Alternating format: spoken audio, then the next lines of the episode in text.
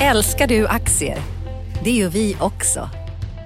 Sea Worldwide Asset Management är en av Nordens största oberoende aktiva aktieförvaltare och har samlad kunskap sedan 1986. Ta del av vår kunskap på seaworldwide.se. Bokstaven C, worldwide.se.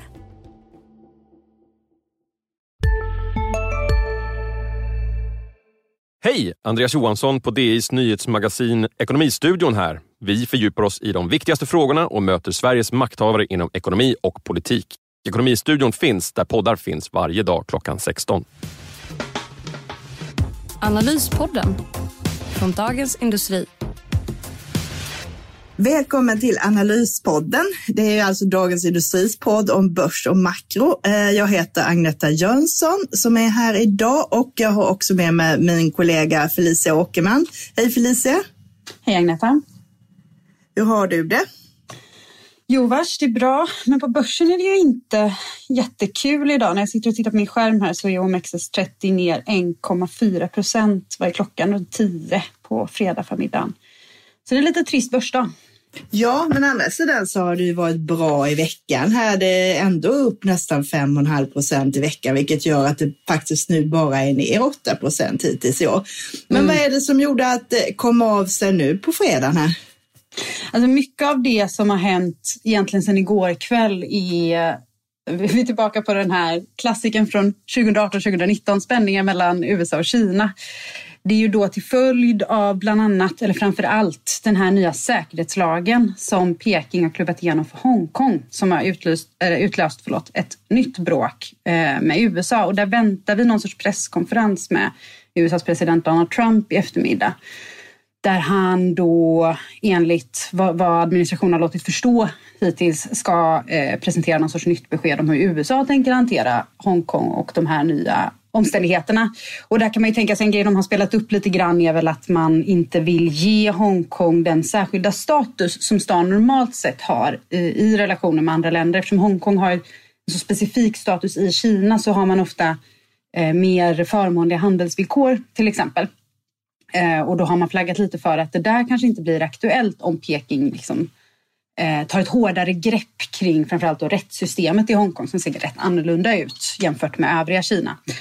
Eh, så det där är ju såklart någonting som, som eh, gör att det svajar. Alla minns ju hur eh, konflikter mellan USA och Kina tidigare har kunnat leda till ganska skarpa börsreaktioner både uppåt och neråt. Så det är väl inte så konstigt att falla tillbaka lite idag. Och som du sa, vi är ju redan upp ganska mycket. Så det känns väl ganska rimligt att man får en liten sättning till följd av det. Ja, det blir intressant att höra vad som kommer ut ur den presskonferensen då. Verkligen. Annars så tycker jag att fokus har varit nu på alla länder som öppnar upp att eh, man börjar titta på det och man har liksom sett lite sådana här gröna skott då. Och det är också mycket fokus på alla de här som har vaccinkandidater, amerikanska Moderna, du har AstraZeneca, något israeliskt, något indiskt som är på gång. Och det är klart, det är väl det som har fått marknaden att pigna till lite nu här. Jo, precis, det tror jag nog. Eh, med risk för att, för att vara så upprepande och tråkig och ständigt pessimistisk så är inte jag så säker på att de här gröna skotten som man har sett egentligen är så starka nödvändigtvis. Men däremot så kan man ju förstå att i och med att börsen är framåtblickande eh, det är väl kanske inte så konstigt att man, att man prisar in liksom framgångar på vaccinfronten. Men jag vet inte hur, hur du ser på det, men från mitt perspektiv så betyder ju det att det finns en enorm risk i uppgången också att vid ett bakslag i, i vaccinutvecklingen som ju väl definitivt kanske är så vitt jag förstår det. Så det kan det bli. Men det borde man, man ju kunna få en rätt ja. kraftig reaktion på det, eller? Det kan det bli också. Å andra sidan så är det väldigt många bolag som håller på. Så så länge man har de här lite optimistiska glasögonen på sig så mm. tror jag den här trenden som har börjat nu kan kanske fortsätta lite till. Det vi har sett är ju att Innan har i princip hela amerikanska börsen dragit utav de här fangbolagen och några till. Det är mycket teknik, det är mycket den typen av bolag och det gör ju att Nasdaq ligger faktiskt på plus. Men det vi har sett är att det breda standarden på 500-indexet, det är bara en femtedel av bolag på plus och andra är väldigt kraftigt ner ungefär som här då. Och det mm. man gör nu är att man börjar skifta från det här då, från de här tillväxtaktierna som faktiskt nu börjar bli väldigt dyra till att försöka titta på andra sektorer och kanske gå nu tillbaka lite till värderingar och sådana här grejer. Och det fick ju göra att vi faktiskt fick se en comeback för bankerna här nu. Eh, det såg vi även på den svenska sidan att vi har haft ett riktigt bankrally här eh, på Stockholmsbörsen och även selektivt på andra, till exempel Atlas Copco då som man säger typ det är det här mest kvalitetsbolaget inom verkstad på Stockholmsbörsen. De ligger faktiskt plus 2 procent i år. Mm. Du har väl suttit och väntat lite på en comeback för bankerna? Det känns som att ja, jag pratat om det Vänta, vänta, det är väl mer en förhoppning. Men sagt att man ska köpa Nordea och SEB så vill man ju gärna att det ska bli någonting av det också. Ja. Här. Eh, så det kändes lite skönt att det där börjar komma tillbaka så man inte med en dåres envishet bara själv tycker att de här är billiga. Mm. Vi fick faktiskt lite siffror här nu idag också från Statistiska centralbyrån över eh, hur utlåningen har utvecklats under april. Här. Och det var väldigt intressant det här faktiskt med företagssidan. Eh, det har pratats mycket om det här nu att företagsutlåningen skulle öka under den här perioden. Eh, och det gjorde det faktiskt. Det var en årlig tillväxttakt på 5,8 procent nu i april och det är upp en halv procentenhet jämfört med mars och det är faktiskt ganska mycket med tanke på alla de här nedstängningarna och problemen som har varit. Så det tycker jag är ett mm. lite pluskant där. Sen däremot hushållen, konsumtionslånen här som vår kollega eh, Mats Lundstedt skrev om här, eh, ökade också fast eh, inte lika mycket som i mars. Vi hade en tillväxttakt på 7,4 procent på konsumtionslånen Eh, och vilket då är en minskning med 0,4 jämfört med mars. Och det rimmar ju med det här att eh, hushållen kanske håller lite hårdare pengarna nu när man börjar bli kanske räddare för att bli av med jobben. Eh, man sitter hemma, man konsumerar inte riktigt på samma sätt när man sitter hemma, jobbar hemma eller sitter i karantän som när man är ute och rör på sig.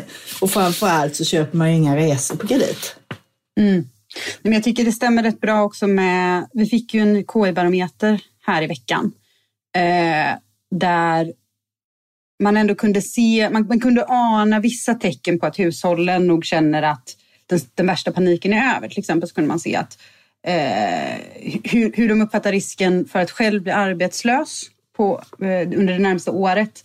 Eh, den har minskat. Det är fortfarande en högre risk än normalt man ser men, men eh, den ses, sågs ändå som mindre i majmätningen jämfört med aprilmätningen. Man kunde också se, och det har ju lite att göra med konsumtionslånen, att benägenheten att köpa kapitalvaror hade ökat något även om även den fortfarande är liksom klart eh, mer negativ än normalt. Men däremot så, så, ska man väl också flagga för att det är ju fortfarande så att en större andel av hushållen än normalt ser det som gynnsamt att spara och planerar att spara mer under det kommande året jämfört med tidigare. Så att, eh, det ska bli intressant att se hur det, vad som händer, men framförallt med konsumtionslånen, för jag tänker att de kan vara mycket mer snabbrörliga än bostadslånen. Eh, och de har ju gått upp under en period nu, så det ska bli väldigt intressant att se hur det utvecklar sig under resten av året på den fronten. Ja, men, jag tror att det kan säga mycket om, om humöret bland hushållen, hur de ser på konjunkturen. Absolut, visst är det så. Så de här siffrorna ska man ju titta på varje månad och se vad som händer nu. Och du, som du säger också, bolånen är ju lite annan grej för det är ju längre mm. ledtider på det där innan ett bolån betalas ut så har man ju först ansökt och sen har man hittat någonting att köpa och sen betalas det ut. Så där är ju en eftersläpning på minst en månad i alla fall. Och det är en helt annan efterfrågebild där också. Eh, även om eh, det är klart att det fortfarande finns en risk att man kan se att det här sprider sig vidare till bostadsmarknaden så är det ju så att bostadsmarknaden har ju en sorts Alltså dels eftersom vi redan haft en, under de senaste åren har upplevt en större sättning där så tror jag ändå att eh, risken för spridning är något mindre. Och sen så är det ju så att folk behöver fortfarande någonstans att bo. Och det bygger in en sorts Eh, grundläggande efterfrågan som så länge det fortfarande är så att eh, människor med hyfsat höga inkomster eh, känner sig relativt trygga med sina jobb så, så, tror jag att man kommer fortsätta se liksom en, en, stabil utveckling där. Nog inte någon chans på liksom några stora prisökningar såklart, men ja, den är lite speciell. Liksom. Den delen av hushållsutlåningen är, eh, måste hanteras på ett annat sätt än till exempel konsumtionslånen. Och där måste man ju, där är du inne på viktig grej, det handlar ju väldigt mycket om vilka som blir av med mm. jobben och var de bor för någonstans, här, vilket gör att det kan nog bli lite olika utveckling i olika delar av landet. Vi såg ju hur huspriserna gick ner i Trollhättan när Saab hade problem. Mm. Eh, vi kanske får se den typen av effekter men kanske inte så stora effekter i, i centrum i storstäderna så att säga. Men just den biten tror jag ska bli, tycker jag ska bli väldigt intressant att se. Vi har ju, du och jag har ju pratat om det här i veckan. Eh, just vilka hushåll är det som drabbas nu? Vem blir av med jobbet? Hur påverkar det saker? Eh, en grej som var intressant i KI-barometern som de specifikt tog upp på ett sätt så att det ändå var notervärt var att i storstäderna så är det fortfarande så att, att eh, den e synen på hur stor risk det är för att man själv blir arbetslös är högre Eh, och fortsätter ligga högre. Så det verkar ju finnas det ska bli intressant att se. Jag, jag, tror man kan använda bostadsmarknaden lite som en, en, eh, nästan som en indikator på just det. Att om bostadsmarknaden kan stå sig stabilt men den bilden från, från den här lite mjukare indikatorn fortfarande visar en större osäkerhet i storstäderna, då, då kan man väl dra slutsatsen att ja, det är ganska olika för olika hushåll även i storstadsregionerna. Och det, det börjar bli väldigt intressant att titta på alla de här väldigt små Eh, alltså att, att, titta mycket mer i detalj på utvecklingen än de här väldigt stora breda siffrorna som vi oftast tittar på. Eh, och det tror jag kommer vara jätteintressant hela sommaren egentligen. Jag tror du får samma effekt på vad det gäller på aktiemarknaden, att det kommer vara väldigt stor mm. skillnad, kanske ännu mer än vad det är idag vilka aktier du ska in i på hur det rör sig i olika sektorer och hur det rör sig på olika marknader. För det är många olika såna drivkrafter som kickar in nu. Det räcker inte bara med att titta på den stora bilden. Mm. Ja, visst. Sen vad säger du om det här? Vi tittar på totala utlåningen som alla hushåll och företag har lånat ut av bankerna då, eller monetära finansiella institut som det så fint heter, är 6 791 miljarder. Det är ju faktiskt bara lite mindre än det här senaste paketet som EU vill ge till krisländer i form av lån och bidrag. Här nu, vad tycker ja. du om det? Ja, det var ju en eh, väldigt intressant grej som kom i veckan. Först, man hade ju på känn att nu kommer det komma något större eh, till slut efter månader av eh, det sedvanliga bråket som brukar vara inom framförallt eurogruppen och EU som helhet. Sen kom Tyskland och Frankrike eh, med sitt förslag och sen kommer då EU-kommissionen den här veckan och hade ökat på ytterligare. Så det är 750 miljarder euro vi pratar om. Det är alltså ungefär 50 procent större än det tysk-franska förslaget. Eh, I svenska kronor blir väl det ja, under 8 000 miljarder kronor, men inte så mycket under. Ehm, och det jag, jag, tror att det här kommer ju gå igenom. Det är mycket möjligt att man ser vissa mindre förändringar för att få med sig de länder som är skeptiska nu, där Sverige är ju ett av dem. Men det är inte så många länder som sätter sig emot och det är inte så stora, tunga länder som sätter sig emot i nuläget. Så det kommer ju mynna ut i någonting som ser ungefär ut som det som nu har presenterats. Eh, och det behövs ju ett större... Det har ju varit ett problem att man inte har fått till ett större eh, krishanteringspaket eller ett återhämtningspaket om man ska direkt översätta från de engelska uttryck som används. Ehm, det, sen så ska man ju också bara komma ihåg, jag tyckte att vår kollega Viktor Munkhammar skrev en väldigt eh, smart kommentar på det här. Att det som händer nu är ju att man tar, det är lite den franska linjen egentligen. Frankrike har ju drivit på för att liksom utöka även det finanspolitiska samarbetet och eh, president Macron inledde ju verkligen en kampanj för det efter Brexit. För att då hade man blivit av med de här jobbiga britterna som alltid stod emot allt sånt, även om de inte var med i EMU. Eh, och det, det, går ju, man tar ju tunga steg mot ett större, eh, en större finanspolitisk union i nuläget och det kommer göra det knivigt framöver för framförallt de mindre medlemmar som inte är med i eurosamarbetet, som till Nej. exempel Sverige. Sista dagarna nu på vårens stora season sale. Passa på att göra sommarfint hemma, både inne och ute. Och fynda till fantastiska priser. Måndagen den 6 maj avslutar vi med Kvällsöppet i 21. Välkommen till Mio. CSRD, ännu en förkortning som väcker känslor hos företagare. Men lugn, våra rådgivare här på PWC har koll på det som din verksamhet berörs av. Från hållbarhetslösningar och nya regelverk till affärsutveckling och ansvarsfulla AI-strategier. Välkommen till PWC. Så här, och det känns ju konstigt för vår del också. Om vi jämför oss med Italien till exempel har vi ju en helt annan struktur. De har en jätteskuldsatt ja. stat medan privatpersoner knappt har några lån. Hos oss är det tvärtom. Och ska vi svenska skattebetalare då betala till eh, välbeställda italienska hushåll? Det känns inte jätterättvist måste jag ju säga. Nej, men jag tror att det kommer krävas en nu, nu är det väldigt länge sedan vi hade våran eh, folkomröstning om euron och eurosamarbetet såg så himla annorlunda ut. Då. Man kan ju verkligen tänka sig en, en värld på ett par års sikt när det här kanske har blivit mer formaliserat, när man liksom har sprängt man har, man har gått över den här röda linjen och är inne i en värld där det inte är omöjligt för eh, EU att ha den här typen av gemensam skuldsättning och den här typen av... Det ska man ju också påpeka att i det här paketet som presenteras nu, en stor del av det ska ju vara bidrag, inte lån. Där skiljer det sig ganska mycket från hur man hanterade eh, eurokrisen till exempel. Eh, det, det, det, kommer vara ett väldigt, väldigt annorlunda eurosamarbete som vi ser om ett par år antagligen. Eh, ja, och, och då är det viktigt ändå tycker jag att ha en diskussion om och, och, är det värt att omvärdera Sveriges linje när det gäller eurosamarbetet eller inte? Jag har inte företräder ingen sida här men det är en diskussion vi nog måste ha igen. Vi kommer tvingas in i den tror jag om inte annat. Ja, och utav flera olika anledningar. Du har ju samma sak med bankunionen, att det ju blir mm. väldigt konstigt om vi skulle vara med där om vi inte får vara med och bestämma och det får vi inte vara i och med att det bara är EMU-länderna som sitter med i de här högsta instanserna. Eh, så att det kanske blir en eh, folkomröstning att antingen gå med i euron eller också en eh, svexit så att säga, att man inte kan ha det här mellantinget vi har nu. Ja, det, var, det är ju den, det, det, hårda valet som skulle kunna uppstå, eh, definitivt. Och sen har vi också faktiskt tappat vår eh, viktigaste fördel som vi hade, nämligen att vi hade Storbritannien som också stod utanför och som var stora och starka och som kunde hålla emot. Och i nuläget finns det inte riktigt ett sådant land. Jag menar Nederländerna och Danmark till exempel står ju också på den svenska sidan i väldigt många frågor, men det är inte så starka tongivande medlemsländer på det sättet som, som Storbritannien var. Så att vi, ja, det, det, är något, det, det är något att hantera i framtiden. Precis som jag ser det så är ju risken att vi bara får en massa konstiga skatter, alla typ mer plastpåseskatter och eh, olika grejer och att det blir bara krångligare alltihopa det här, men att vi inte har någon jättestor fördel utav det. Mm. Sen däremot några bolag faktiskt hade fördelar nu att det började pigna till, apropå det här med Italien, så hade du Intrum som eh, jag följer också och skrev här för två veckor sedan att den var väl billig.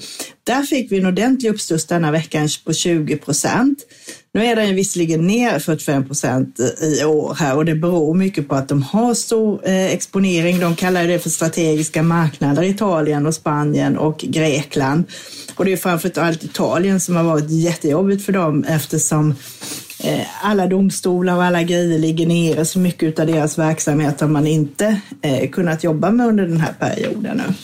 Ja visst. Nej, men det ska bli väldigt intressant att se om man lyckas få fart på de bitarna igen och öppna upp sådana grundläggande delar av samhället. Det, det måste ju underlätta jättemycket för ett sådant bolag. Ja, och när jag pratade med vdn här, Mikael Eriksson, så pratade man ju också om det här nu att nu håller ju de och flera andra bolag på att lobba också för att försöka få fart på myndigheterna i de här länderna så att de inte tar de här jättelånga, så normalt är ju domstolarna stängda liksom hela semesterperioden där för augusti och en bit in i september. Och det är ju mm. jättebra när man har haft nedstängt redan nu liksom, utan att man ska försöka få lite fart på det hela där. Så det hoppas jag man lyckas med. Ja, har man sett några sådana signaler kring ifall man liksom ska behandla den här nedstängningen lite som att nu har folk haft sin semesterperiod. Nu kan vi inte göra som vi brukar göra under sommaren här. För det brukar ju verkligen vara i, alltså i ja, men Italien och även i en del andra länder sö längre söderut så har man ju de här väldigt långa, väldigt nedstängda semesterperioderna normalt sett. Företagen vill ju det. Sen är frågan då om myndigheterna går med på det. det är ju liksom, mm. Där är väl juryn fortfarande ute så att säga. Mm. Ja, men något att hålla koll på. Definitivt. Det är något att hålla koll på. Sen hade vi ju ett eh, elände här med SAS kom ju med sin rapport igår och då får man ju verkligen ja. se hur den här krisen verkligen slår i siffror. Mm. De rapporterade ju februari till april, eh, så att de hade ju ändå liksom en och en halv normal månad och ändå så halverade de sina intäkter. De hade en förlust på 3,7 miljarder kapaciteten både på passagerare och eh, då flygplan gick ju ner över, över 95 procent i april. Eh, det är ju enorma tapp mm. och det är ju på grund av allt resande ställt in. Och för att klara det här så har de lånat nu 3,3 miljarder med danska och svenska staten som garanterar det här till 90 procent. De säger det att de kommer ha negativt kassaflöde, det vill säga de måste ut med 500 till 700 miljoner per månad nu, åtminstone fram till slutet av oktober. Och de har 4,2 mm. miljarder i kassan. Eh, så att eh, där är det ju riktigt tungt. Eh, man pratar ju nu med om att göra en riktig översyn av kapitalet, kapitalförstärkning då med storägarna och det är ju svenska och danska staten som äger 15 procent var och Wallenbergstiftelsen är ungefär hälften så mycket. Vår kollega där, Magnus Dagel, han skriver ju det att han tror ju på att det blir en ny emission modell större här framöver. Mm. För de, det räcker ju inte, de kan ju inte bara betala sina löpande kostnader, de måste ju kunna köpa plan eh, och ha, hantera verksamheten också. Så det är ju riktigt bekymmersamt. Man förhandlar ju också om personalminskning på upp till 5 000 personer. Och det är ju otroligt mycket med tanke på att i april hade de typ 8 000 anställda. Ja. Och sen är ju redan nu 90 procent permitterade. Ja. Och nu öppnar man några linjer i juni och det är positivt. Bland annat tycker jag då att det är trevligt att de öppnar Kalmar. Eh, det kanske gör möjligt att jag kan åka ner och hälsa på något i södra Sverige här framöver. Man öppnar Skellefteå och Malmö och sen ska man öppna Ängelholm. Men då kom meddelandet igår att Peab som tydligen då har drivit Ängelholms flygplats eh, i några år nu stänger ner den för att de har inga möjligheter att göra det. Så det blir, där kommer det inte bli någon öppning. Och det visar, tycker jag, lite på sårbarheten också i det här eh, med inrikesflyget som vi har. Vi har ju redan bra eh, som är under rekonstruktion. Börjar det nu liksom en hel del flygplatser, de som inte drivs av Swedavia då, stänga mm. ner också, då har vi ännu mer problem. Eh, så jag tycker där känns det lite att det här är faktiskt på allvar och det tycker jag också regeringen behöver ta tag i ordentligt så att vi inte eh, stänger ner stora, del, stora delar av Sverige. Det är också en väldigt bra illustration av den här, liksom, den här stora bilden som har legat bakom eh, varför man presenterar så otroligt mycket akutåtgärder för att bara hålla saker vid liv under den här perioden när allting behöver vara nedstängt. Att det finns alla de här liksom, banden och relationerna som, som är det som bygger upp hela ekonomin i grunden och när de kapas så försvinner mycket mer än vad man kanske trodde att det skulle göra innan. Alltså det är väldigt svårt att se alla band som, som, som löper igenom ekonomin och att det är i ett akutläge så kan det göra så stor skillnad om man lyckas upprätthålla dem liksom, tills man kommer tillbaka till ett normalläge. Jag tycker att det är en bra bild över det, liksom, där man kan förstå ja, hur alltihop hänger ihop liksom, och förstå att det finns så mycket konsekvenser av att inte göra den här typen av akutinsatser. Liksom. Vi får se hur det blir med det där, men det är också en sak att hålla ögonen på. Nu hänger de ju med här också och öppnar upp några internationella linjer, bland annat mm. New York och Chicago med och till Amsterdam så att man ändå ska kunna ta sig ut i världen för de här mer nödvändiga resorna då. Ja, om de nu släpper in svenskar, det får vi väl se. Det återstår ju att se. Det är väl inte i första taget. Det är inte jättekul om man hamnar i karantän nej, någonstans. Nej, precis. Nästa vecka händer det några spännande saker på din front då? Jo, men det händer ganska mycket på min front. Vi får, eh, det är ju månadsskifte, så vi får nya amerikanska sysselsättningssiffror. Alltid lika kul. Eh, vi brukar till och med betta om dem på redaktionen. Eh, så får se om jag vågar lägga in ett bett den här gången. Det känns lite vanskligt.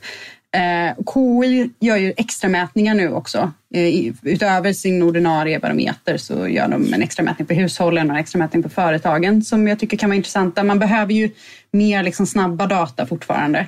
Men den viktiga grejen nästa vecka är att vi har PMI-vecka. Så på måndagen är det industri-PMI för hela slanten och på onsdagen är det tjänste-PMI för hela slanten. Och där har jag bara en, en liten Eh, eh, lyfta upp ett finger och påpeka att eh, just nu så känns det ju som att det har varit liksom mycket säga, positiv psykologi på marknaden. Den här idén om ett V-format scenario har återkommit eh, och det känns som att man, man ser vissa liksom små gröna skott och så hugger man på dem. Och grejen med de här PMI som vi kommer få nu, alltså indexen är ju konstruerade så att man mäter förändringen. Så att lite egentligen oavsett vad som händer i den reala ekonomin så borde de studsa upp eftersom det är förändring jämfört med föregående period och föregående period var jätte, jättedålig. Så att så länge det inte har rasat ytterligare så ska man liksom se lite av ett V-hack i de här kurvorna. Eh, inte egentligen för att helt oavsett vad som händer i realekonomin nästan, så borde man se det. Så att man, ska, man ska ha det i bakhuvudet när man tolkar de här siffrorna. Jag tror att vi nu igen går in i en period där inköpschefsindexen är mindre användbara eh, än vad de var just för att vi får en massa sådana tekniska faktorer. Så det kan vara ett par månader där man ska vara försiktig med, med hur man tolkar dem. Så jag vill, jag vill bara slänga med det som en liten varning inför nästa vecka så att man inte drar på allt för stora trisser om det ser ut som ett V. För det behöver egentligen inte säga så mycket som man tror att det gör. Nej, så då får man inte bli jätteglad här att man ser att de stussar upp ordentligt. Man, man kan ju också påpeka såklart att allting som inte är en fortsättning neråt är ju positivt. Det är eh, självklart, så jag menar inte att man ska vara superpessimistisk, men man ska vara försiktig i sina tolkningar bara. Du då, är det något som händer eh, utifrån din horisont nästa vecka att hålla koll på? Claes Olsson kommer med rapport på onsdag. Där har ju kollegan Johan Wendel eh, skrivit om dem eh, tidigare här och tycker att den är lite väl dyr och det kan man väl hålla med om. Så det blir lite intressant att höra vad de säger. Och så får du Sectra som också varit ett bolag som har gått väldigt kraftigt som kommer med sin rapport. Det är väl de två viktiga grejerna som händer på bolagssidan nästa vecka. Eh, och annars får vi hänga med här vad som händer i marknaden och vad det kommer för nyheter om eh, Hongkong och Trump och all mm. statistiken här. Så det blir nog mycket makrofokus i nästa vecka. Och i väntan på alla presskonferenser med Trump och alla makrosiffror, om man vill lyssna på lite andra poddar så har ju vi några andra man kan lyssna på. Vi har ju bland annat Makrorådet med vår kollega Viktor Munkhammar. Sen gör det Digital, Digitalpodden och så har vi Smarta pengar som handlar om privatekonomi. Så har vi Förnuft och känsla, den här intervjupodden om ledarskap. Och sen så har vi våra dagliga poddar, Morgonkoll och Ekonomistudion som man kan lyssna på varje vardag för att få lite mer koll. Men med det kanske vi ska ta helg då? Ja, jag tycker vi gör det. Nu eh, får vi se här vad som händer och alla kan väl behöva vila upp sig lite över helgen. Trots allt så har det varit en rätt dramatisk vecka här. Ja, visst. Nya färska tag på måndag helt enkelt. Vi nöjer oss med det och säger tack och hej. Hej då. Hej då. Analyspodden från Dagens Industri. Programmet redigerades av Umami Produktion. Ansvarig utgivare Peter Fellman. Hej! Andreas Johansson på DIs nyhetsmagasin Ekonomistudion här. Vi fördjupar oss i de viktigaste frågorna och möter Sveriges makthavare inom ekonomi och politik. Ekonomistudion finns där poddar finns varje dag klockan 16. I podden DI Jämställt Näringsliv möter vi kvinnorna som har nått toppen och personerna som verkar för ett mer balanserat näringsliv. I premiären ska vi träffa Sveriges mäktigaste techkvinna Sofie Benz. Och sedan hörs vi igen varje månad den 15. Trevlig helg!